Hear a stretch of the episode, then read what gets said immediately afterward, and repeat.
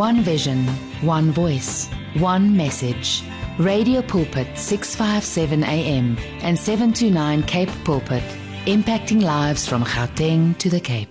Ziyanda Luthuli uthi izwi lakho liyaphila izwi lakho linamandla Singenile ke esigabeni sokugcina imizuzu ithi 23 after 4 o'clock ngino mfundisi umudise Moloyi.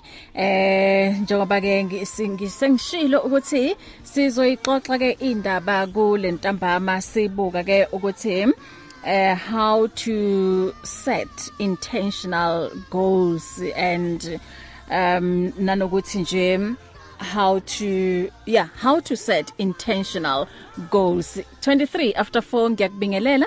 Uma usanda kungena ngowakho lomsakazo singomngani siphinde futhi sibe ngumsizi. Eh Murudi Dumela.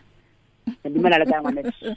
Ngideng Muruti, ngiyaxolisa, ngiyaxolisa, ngiyaxolisa, ngiyaxolisa, ngiya. Yeah, no, I I I did enjoy the conversation of the book with the advocate. It yes, was awesome. Yes. Yeah. Yes. Mm. Hayi kodwa ke engikujabulelayo ukuthi em sizoba ndawonye inyanga yonke. Yes, yes, so yeah, we have we have sufficient time to go over Yes. um a number of issues together. Mhm. Ke kopo ba dumedise ko gae. Ke dumedisa batho bohle ba mametseng ba mamedi ba radio pulpit ke lefatshe ka bophara eh ke a lemohela le monse se tshwa sondaheng sa pele sa lemo sena se setsa eh modimo a letse hantle ke dumedise ka o qolleha mme wa ka lapeng thabana tshwana kwakwa um modimo a metsa hantle and everyone that is actually listening eh Amen. ke a leboha ngwaneso. Yes. Happy New Year Muruti. thank you ngwaneso thank you so much Sure, um njoba siqala unyaka sisevikini elokuqala noma iSunday yokuqala yonyaka. Eh ngiyacabanga ukuthi hey abantu sebayaplana manje ukuthi hey unyaka Yeah. uzohamba kanjani. Um yes, ama goals izinto ezifana nalezo. So sikhuluma lokho ukuthi how to set intentional goals. Asiqale ngoku ke kopa re tlhalose pele hore ah, kunomehluko between ama goals nama plans. Um, no, there isn't a difference. Mm. Um, a plan is part of the goal. Uh, Yeah. A goal is a broader thing. If we define a goal, né, Mm. we will look at to say it's about the things that we want to accomplish. Mhm. And those things can be anything. They can Mm. be different uh, areas of life. Mm. and or we can say this other it is the end to which an effort is directed to so a goal is basically what you want to achieve that is your goal then on how to achieve that goal is what we call a plan a plan is a tool or is a resource that you put in place for you to be able to achieve your goal the reason most people don't achieve their goals is that they are very clear about what is it that they want to achieve. However, they don't have an, an actionable plan. Even the plan must not just be a plan, it must be an actionable plan for them to achieve what they want to achieve. The goal is, is an output or is the outcome. The, the plan is an input that will help you to achieve your goal. Um esikhathini esiningi umuntu uzoqala ne Yes. um njengoba unyaka uqala abantu vele banama um New Year's resolution Yes, and abanye yes. ba excited umuntu athi yazini ah yeah last year ke bone hore ne ke tshameka and ke Yeah. bone hore uh, there and there ke ntse diphoso you know that is why ke sa khona ho reach my goals eso o bolela Yes. hore to achieve your goals you need an action plan because sometimes motho o- o tla plana ka tlhaloganyo sometimes motho o tla plana ka molomo but o thole o thole gore there's no action yes Yeah. so omunye mhlambe u- uwabonile amaphutha akhe Yeah. and noma bekaqala eplana uyazi beka motivated so umbuzo Mm-hmm. wami lana ukuthi how to stay motivated and stay on track or mhlambe mina sengi sengi forward kakhulu mhlambe kumele siqale yeah yeah yeah, it's fine. I think we, we will get. Um, uh, let me let me probably let's take it back a bit. Yeah, you know? yeah. And we will come to the issue of like, how do you stay motivated? Yeah. Because the whole issue is not necessarily about um, staying motivated. Yeah. It's about being intentional. Hence, we are saying Mhm. setting intentional goals. So they're about uh, four five things that I will just want to touch on quickly. Mhm. and then we then probably uh, create space about maybe we could be able to create about uh, 10 minutes for people to ask questions mm-hmm. and that. Mhm. So the first thing that you need to do for you to set intentional goals, you need to have a category of a goal. Mm. Where does your goal fall into? There are different categories when it comes to goals. Mm. It could be a goal that is focused on uh, fitness and wellness. You basically want to work on your fitness and your wellness generally in life to say, um, um, this is what I want to achieve. And secondly, it could be financial goals. You Mhm. want to save a particular amount of money. You want to save for you want to invest. You want to um, remove a debt, pay off a particular debt. You you have family goals. You're looking at to say you want to spend more time with your family. You want to um, you want to uh, do anything for your family. You want to uh, take care of um, the birthday of your wife, your child, your mom. Those are the goals that you then have in family. Then it could be career goals. You want to grow in your career. Uh, you've been working in this company for five years, and now you feel that you want to grow. It is a career goal. In the next five years, I want to become a senior manager. I want to be an executive. I want to. It's all about the next thing that you want to accomplish. Uh, it could be spiritual goals. You want to grow spiritually, and you you know all that those things are basically that are spiritually related as a child of God. So this could be the about um, five categories that you basically have. We can add another category, which is a category called um, a social, whereby it's about your social responsibility. You want to empower or mentor a, a grade 12 learner. You want to organize, um, say, uh, books or buy shoes for the less privileged children from your former school or from your community. This is a goal. These are noble goals. Every one of us has these particular goals and that are falling in each category. So for you to be intentional, you need to be clear about what is it that you want to do in each of those areas that um, categories that we've spoken about. What then becomes a challenge is by say for many people, it is the issue of the the the type of goals. Here I'm talking about the category, the type is another element. The type is about the timing of the of the goal. The timing can be that is an immediate goal, is a short term goal, is a medium term goal, is a long term goal.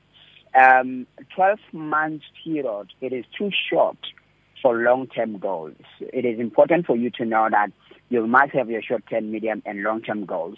And the long term goals, they can be three to five years. That this is 2022. You are aiming that at, at 2030, you should have had your PhD. It means that in the short term, it might be making sure that you have your honors. In the medium term, is having your master's. In the long term, having your, your PhD. That's how you categorize them. But here's the thing that I want the, the listeners to notice is that the short term, medium, and long term goals, they are linked. The short term will be more like your, your foundation. Your medium term will be like the wall of the house that you're building. The long term will be like the roof. So if you are failing at the foundation, there's no way you're going to win in the medium term long, medium term and the long term. So you must be able to connect the two to say from the short term is the foundation, medium term is like the walls, and then the long term is like the roof. Therefore, you have a complete house. That's quite very important to link uh, all those things. Because when people are saying that in five years, they are waiting to do certain things in five years, the most important thing is to know what do I need to do in the next um, in the next month, in the next year, that will help me to be able to achieve what I am aiming to achieve in the next five years. So it's a type, that's a second thing that will help you to develop intentional goals.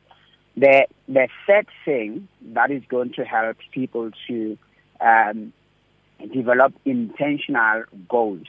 It is the common principle that has been used, and I'm going to look at it with uh, several things uh, on it. It is called the SMART principle. It's a principle that is used in strategy. It's a principle that is used in goal setting, in monitoring and evaluation, and so forth. It's, it's quite uh, it's used quite widely. Um, the first thing that they say about this is that your goals must be very, very specific. It means that for me, um, your goal must have a sense of clarity. It must be well defined. It must be courageous.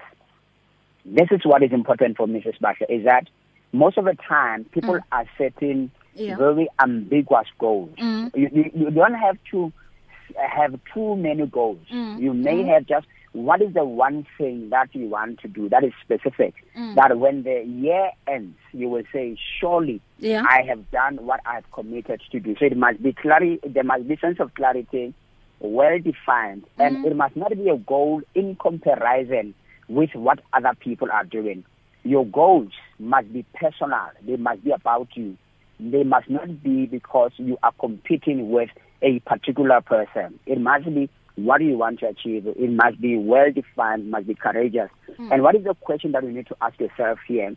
Is a question that says, what exactly I am I trying to achieve? What mm. exactly am I trying to achieve?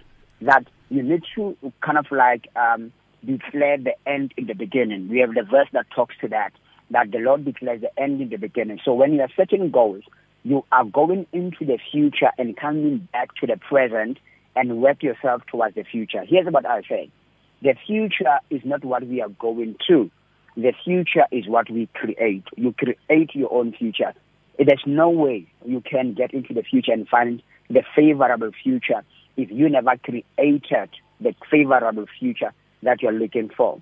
The second thing is about whatever goal that you set, it must be measurable. So three things here, and a question that you need to ask yourself is that it must be that you, it is measurable. Right? You should be able to monitor your goals on a monthly basis, week, weekly basis, monthly basis, uh, quarterly basis, uh, so that you are able to see that I need to um, um, um, uh, shift something here so for me to be able to achieve what I want to achieve. The reflection that people do at the end of the year, it must be something that they do often. It is not something that you have to do only in December. It's something that you have to do even on a weekly basis. When the week ends, you must take your journal and ask yourself, what have I achieved uh, in this week? You can do that on daily basis, at work, um, on anything that you do. What have I done today? How have I um, uh, fared today? What is that I have been able to achieve today? You don't actually look at the output on you look at the progress and the process of what you want to do. So you must monitor yeah. on a frequent basis. Mm. You must have clarity about what are your success factors and then whatever that you are doing, it must be motivating. And then that does answer a little bit in terms of your question, Asbasha, to say, mm. how do I stay motivated? When I celebrate my progress of what I have done, which is an input, mm. I, I am celebrating the process before I celebrate the product.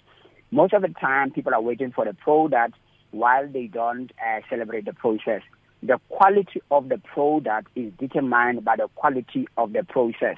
If the process is flawed, the product is going to be flawed. So you must make sure that you are having quality inputs for you to have the quality output. So the measurability here mm. is important. And what is the question that we have to ask ourselves? Is a question that says, how will I know when I have achieved it? Yeah. It is not like ngizobona khona. It doesn't work like that. Mm-hmm. Yabo? Mm-hmm. It's not like eh sizobona ukuthi lo nyaka osiphathelene. No no, it doesn't work like that. They, this year has nothing for you. You have something for this year. You must be able to be intentional about what you want to do. And I know people will then begin to challenge uh, um, certain things. It's about saying, look at the book of Proverbs chapter 6 when it talks about um, the ant, the wisdom of an ant, that in summer it gathers for winter.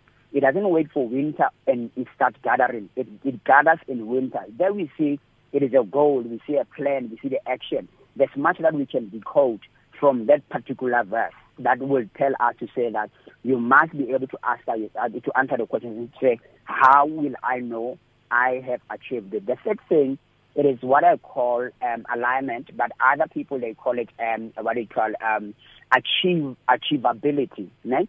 But here or achievable. So mm. it, for me, it's about something that is aligned. Mm. When you set up a goal, it must be aligned to your God-given purpose. Mm. It must be aligned to your talent. It must be aligned to your values. Your your talent, your purpose, your values. What is it that God has created you for?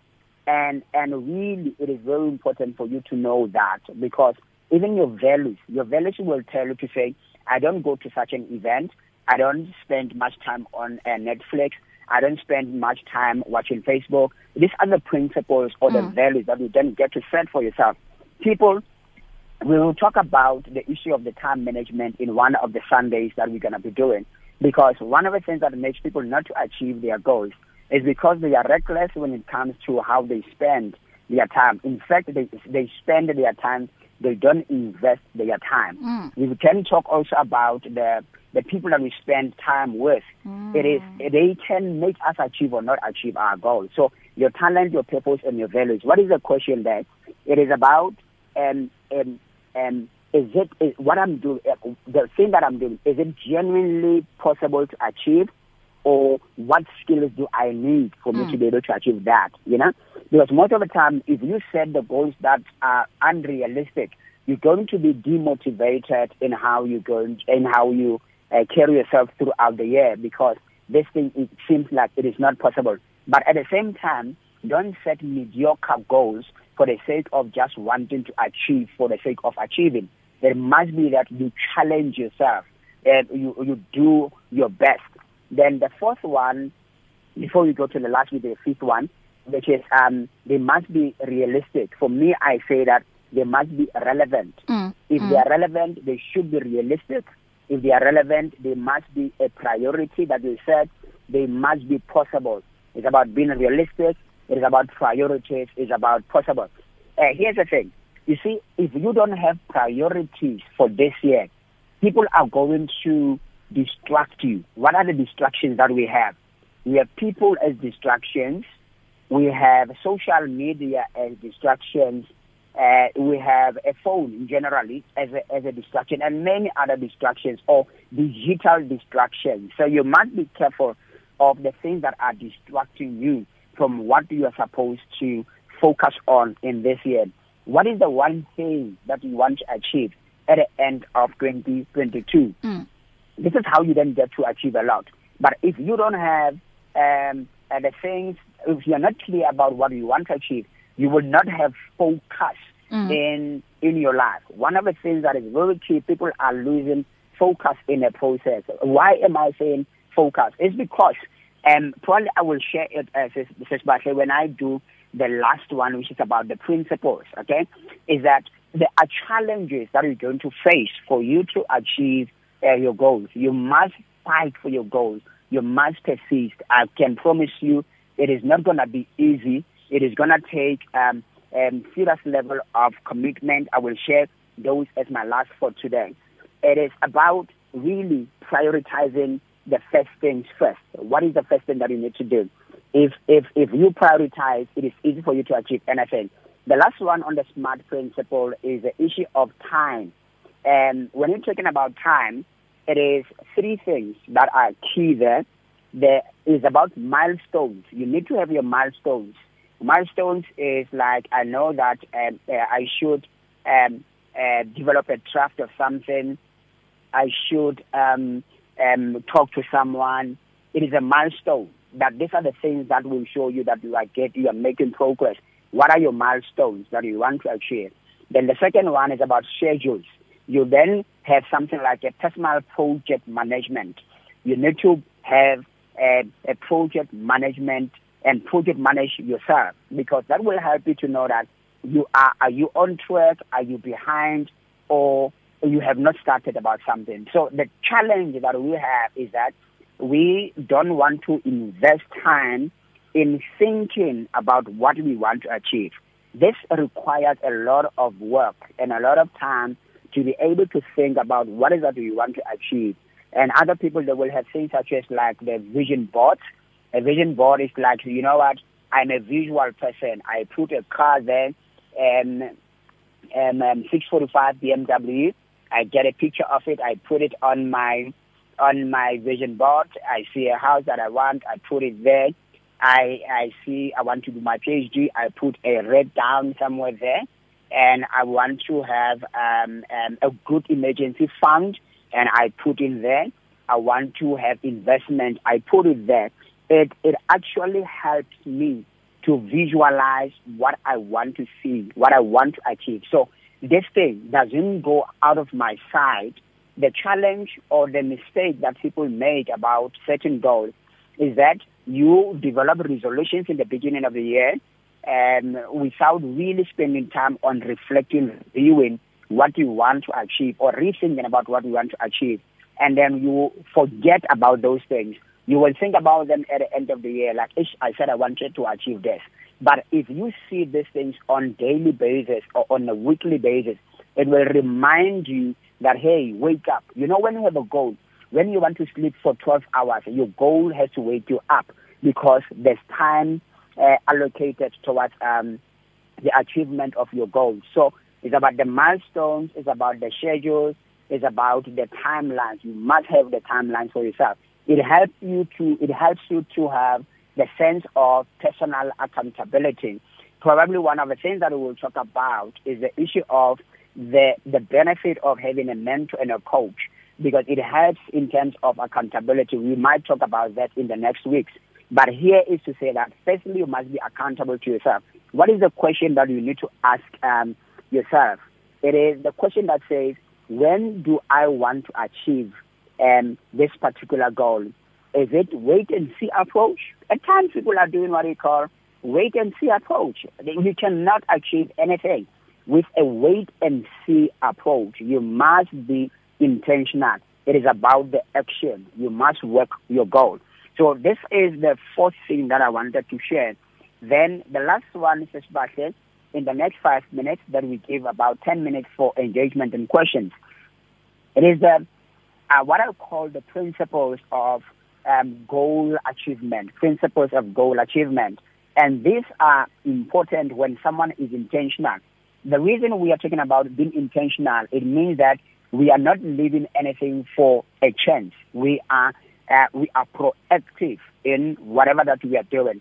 We we are action oriented. We are we are we are having plans. We are accountable to ourselves. We have uh, priorities in terms of what we want to achieve. And the other thing that we may want to touch on probably in the next um, weeks or so, it will be the issue of um, simple habits for achieving great results. What are the habits that we need to uh, put in place for us to be able to achieve the things that we want to achieve. What are the principles there? Therefore, uh, the first principle is the principle of clarity. You must have clarity of purpose. What do I want to achieve? What is the one thing that I want to achieve? Whether it is um, in fitness, in finance, in family, in career, spiritually or social. Uh, for me, I could say to you, you, you can choose to say, the, my focus for this year is going to be on three things. I'm going to focus on my physical and um, uh, physical uh, and uh, physical well, uh, physical fitness and wellness. Ne? I'm going to focus on my finances. I'm going to focus on um, my family. These are the three things. On fitness, you say, what is the one thing that I want to do? I want to um, um, eat well, reduce um, this unhealthy food. That becomes what we focus on. Finances is to say that I want to pay off uh, my debt. You need to know how much are your debts. Then you develop an action on how to pay that off. If Euro is not about debt, it's about how I want to have multiple streams of income. Then you start a business or something, you know. Family, I want to spend time with my family. After work and everything else, I have um, an hour that I spend time with my family. The, every once every month, I am making sure that I have a a, a Saturday that I'm taking my family out and all that. Even if it's just uh, to the park, it is one thing that they focus on. You become consistent in terms of that. So the first thing is that clarity of purpose. Then the second principle is the principle of commitment. The reason people don't achieve their their their, their goals is because they lack a principle of commitment. Commitment it is not what you say, commitment is what you do. It is not a once off thing, which will lead to the third principle. The third principle is a principle of consistency. You've got to be consistent in anything that you do. It is not about doing one big thing once. It is about your daily actions. Consistency is very important as a third principle. The, the, the fourth principle is a principle of calculate cost. You need to sit down, calculate the cost. Why is it that is going to cost me to achieve this particular goal? It is, is a very important principle. People, they want to jump into things. They want to say, hey, this is a goal I want to achieve. But they don't calculate the cost. The cost in terms of time, the cost in terms of resources, the cost in terms of money. Those are the things that people have to really think about uh, uh, when they want to achieve their goals. As a principle number four. Principle number five is a principle of creating a community of people who have the similar goals or shared goals, the, the similar goals. I am, I, one of the goals that I have is on wellness and fitness. Then I am part of the people that are pursuing the similar goals. We encourage each other and all that. Then um, finances. I, I have friends who are more learning more about um, about uh, finances. I am buying more personal finance books because this is one of the goals that I have, and, and that is a community that I am creating. The workshops, the seminars, the online meetings that I'm attending, they have to do with finance because that's an area that I really want to grow into. Career-wise is one of the things that we we, we then uh, one can be looking at. So, what is the community that you have? That's why the Bible says that um, bad company corrupts good manners. It also says that um, in the multitude of counselors, there is safety. You need to basically have the people who have the who are in the same community as you in terms of what is it that you want to achieve as a person. The last one is a principle of celebration. You need to celebrate the progress that you are making, the progress that you are, the progress that you are making in anything that you want to achieve. That progress is very important. Don't wait to celebrate at the end, but celebrate every little progress that you are um, you are making. That's principle number six. And I think advocate spoke about one element that I think I would just want to um, uh, um, to to uh, to connect to it is a is a is a principle of completing. So, you know, most of us or most people they don't have a problem with starting, they have a challenge with finishing. They have the challenge with completing. So, every time you start something, tell yourself that I want to complete this thing.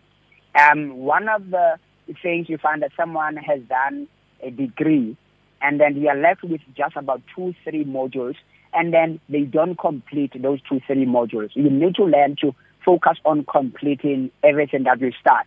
Complete everything that you, you start. If you can do that, you will achieve greatness because most of the people you find that they have a lot of things that are hanging around that they have not completed because they don't have this principle of completing uh, the things that they have actually started.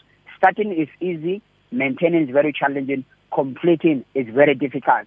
It requires commitment, it requires consistency, it requires um, courage. Those are the things that we basically require. So these are the things that I have shared as, as back and we can allow people to probably ask questions or you can um, ask the questions that mm. you want to ask in terms of how to set intentional goals. These are the principles, the nuggets that I think um, can help people in setting intentional goals. Wow. Um mina ngithanda kakhulu le mfundiso yokubaluleka to align your goals with your belief and yeah. ama values ngoba yila uthola ukuthi esikhatini esiningi inkinga iqala khona. Wow that's that that is very powerful. Um asibone lapha emakhaya ukuthi mhlambe bakhona abathanda ukubuza imibuzo noma ukuphawula 0123341322 unfortunately bazalwane uh, exactly by um 5 before 5 kumele ngiphume lana. So nina plus minus 3 minutes um ukuthumela ama question. Uma singakwazanga kwaphendula today re tla re tla di note ke re moruti and then beketlang yes, yes and then beketlang re thome ka tsona he re thoma program. So unga ungawuthumela umbuzo wakho ku WhatsApp 0826572729 noma ke ushaye ucingo manje ku 0123341322 ya noma ku 0123338699 ya u Howdy em Elsbeck uthi sister Bahle achievement are measured on focus and time management. Wow. Yeah uvumelana nathi la mfundisi. Eh washo futhi ukuthi uthi I, I I agree with mfundisi the future is what you create. Mina mfundisi i i i question enginayo angazi ukuthi singakwazi ukuyiphendula masinya na indaba yokuba yes. realistic. Yes so uma ukhuluma ngokuba realistic usuke ukhuluma ngani because angithi uma unayo le vision mhlambe ngesikhathi unale vision ukuthi you want to have uh maybe 10 cars okuwukuthi uzongena yeah. ebusinessini yoku transporter or maybe to yeah. ukuzirentisa le moto and by that time you don't even have i10 rand ebank yes. bicycle yeah. Yes yes. Yeah. Mhm yeah being realistic this is what it means ne? Mhm it, it it it is it is pushing you towards action. The reason it is realistic is that it is about action. It's about saying to yourself i want to i want to achieve uh i want to buy cars you need to learn about that particular business. Okay. You need to work on if um say you need to get uh, you can't say we start you want to have 10 drivers. Mm. Probably you're the first driver that need to be driving. You need to get your license, right? Your driver's license. Mm. And those things they are telling you that you are realistic. And realistic okay. for me and that's why I use the word possible, right? Mm. Modern realistic is about possibility because when you say realistic, people they feel as if like you are constraining them. Mm. So the possibility they lie in your potential to say that I have the potential to do this, mm. and I am intentional about what I need to do. I have a clear plan about what I want to do. Yeah. I know the purpose. I know that I have priorities. I have a plan. And the other thing to add there, Sis Bata, will be the issues of the people, partnerships. You know, you build partnerships with people. You you also the element that I want to bring in that we don't have to neglect is an element of prayer in the things that we then get to do when we setting our goals mm. and all that. So that is for me the realistic part that we're talking about. Mm. It's not necessarily saying that you know I have five friends I can only plan for five friends. It's mm. not that. Okay. It's say like I have five friends mm. but I want to be a millionaire. Mm. And then your daily behavior will tell us that mm. you are going to be a millionaire. How do you use your five friends? Yeah. And are you willing to have multiple streams of income? People, Mm. they will then say, I want to be a millionaire, but they don't want to sell anything. Mm. Their pride is too high. Mm. They cannot sell, they cannot sell, um, anything in the network marketing. I don't want to specify, Mm. but anything that people are selling, people will find that they are really are selling something. They are selling their time. They are selling their skills. They are selling a product. If you don't want to sell a product, if you don't want to go and work at a restaurant because of your pride, there's no way you can achieve certain things. So like, you know Okay. what, now I have a degree, I cannot do that. So that's the part around realistic Okay. that we're talking about. Wow, thank you so much Muruti. Eh bakuthola kuphi mhlambe uma bethanda ukuxoxa nawe ungekho la emoyeni? So for you can find me on um 073 Mhm. 913 1351 or 078 822 3799 particularly on 078 um 822 3799 you can also find me on all the social media platforms Facebook uh, Twitter and Instagram. My name is Mudise Moloi and I do coaching. Uh, particularly at the beginning of the year, you want to set your goals, you want to have a life coach, I can be at your service Thank at you. any point in time, online and on site. God bless you. God bless you. Sizohlangana next week futhi angithi ngaso lesikhathi. God bless you Muruti. Thank you so much, Sisi. Amen. Yo, okay ngiyaphuma labazalwane u Pastor Ray Lehodi uzoqhubeka nawe kuzokuyoshaya u7 o'clock. Siyabonga lapha uthi give. Hey kusesenabantu abanikelayo uthi give 100 rand. Thank you so much and may God bless you. Inamba iphelela ngo7956. Mina nawe sisonke nakusasa ekseni 4am until half 5. Sithi Zulu khaya lam. It's difficult to face the overwhelming pressures of life alone. Sometimes we just need someone to talk to, someone to listen to us. And what better way to do that than through a quick and easy WhatsApp message? Whether you're having a hard time coping with school, family issues, being bullied, depression, or anxiety, speak to someone who cares today. Send a WhatsApp text or voice note to 064 530 6805. That's 064 530 6805. Our I Am Youth Counseling team is ready to connect with you today. Did you listen to Radio Pulpit today? Did you hear a feature or program that interested you? You can order the CD or your favorite program or feature. Place your order with client services at 012 334 1200. Radio Pulpit, your daily companion. You and 657 AM and life, a winning team on the road to eternity.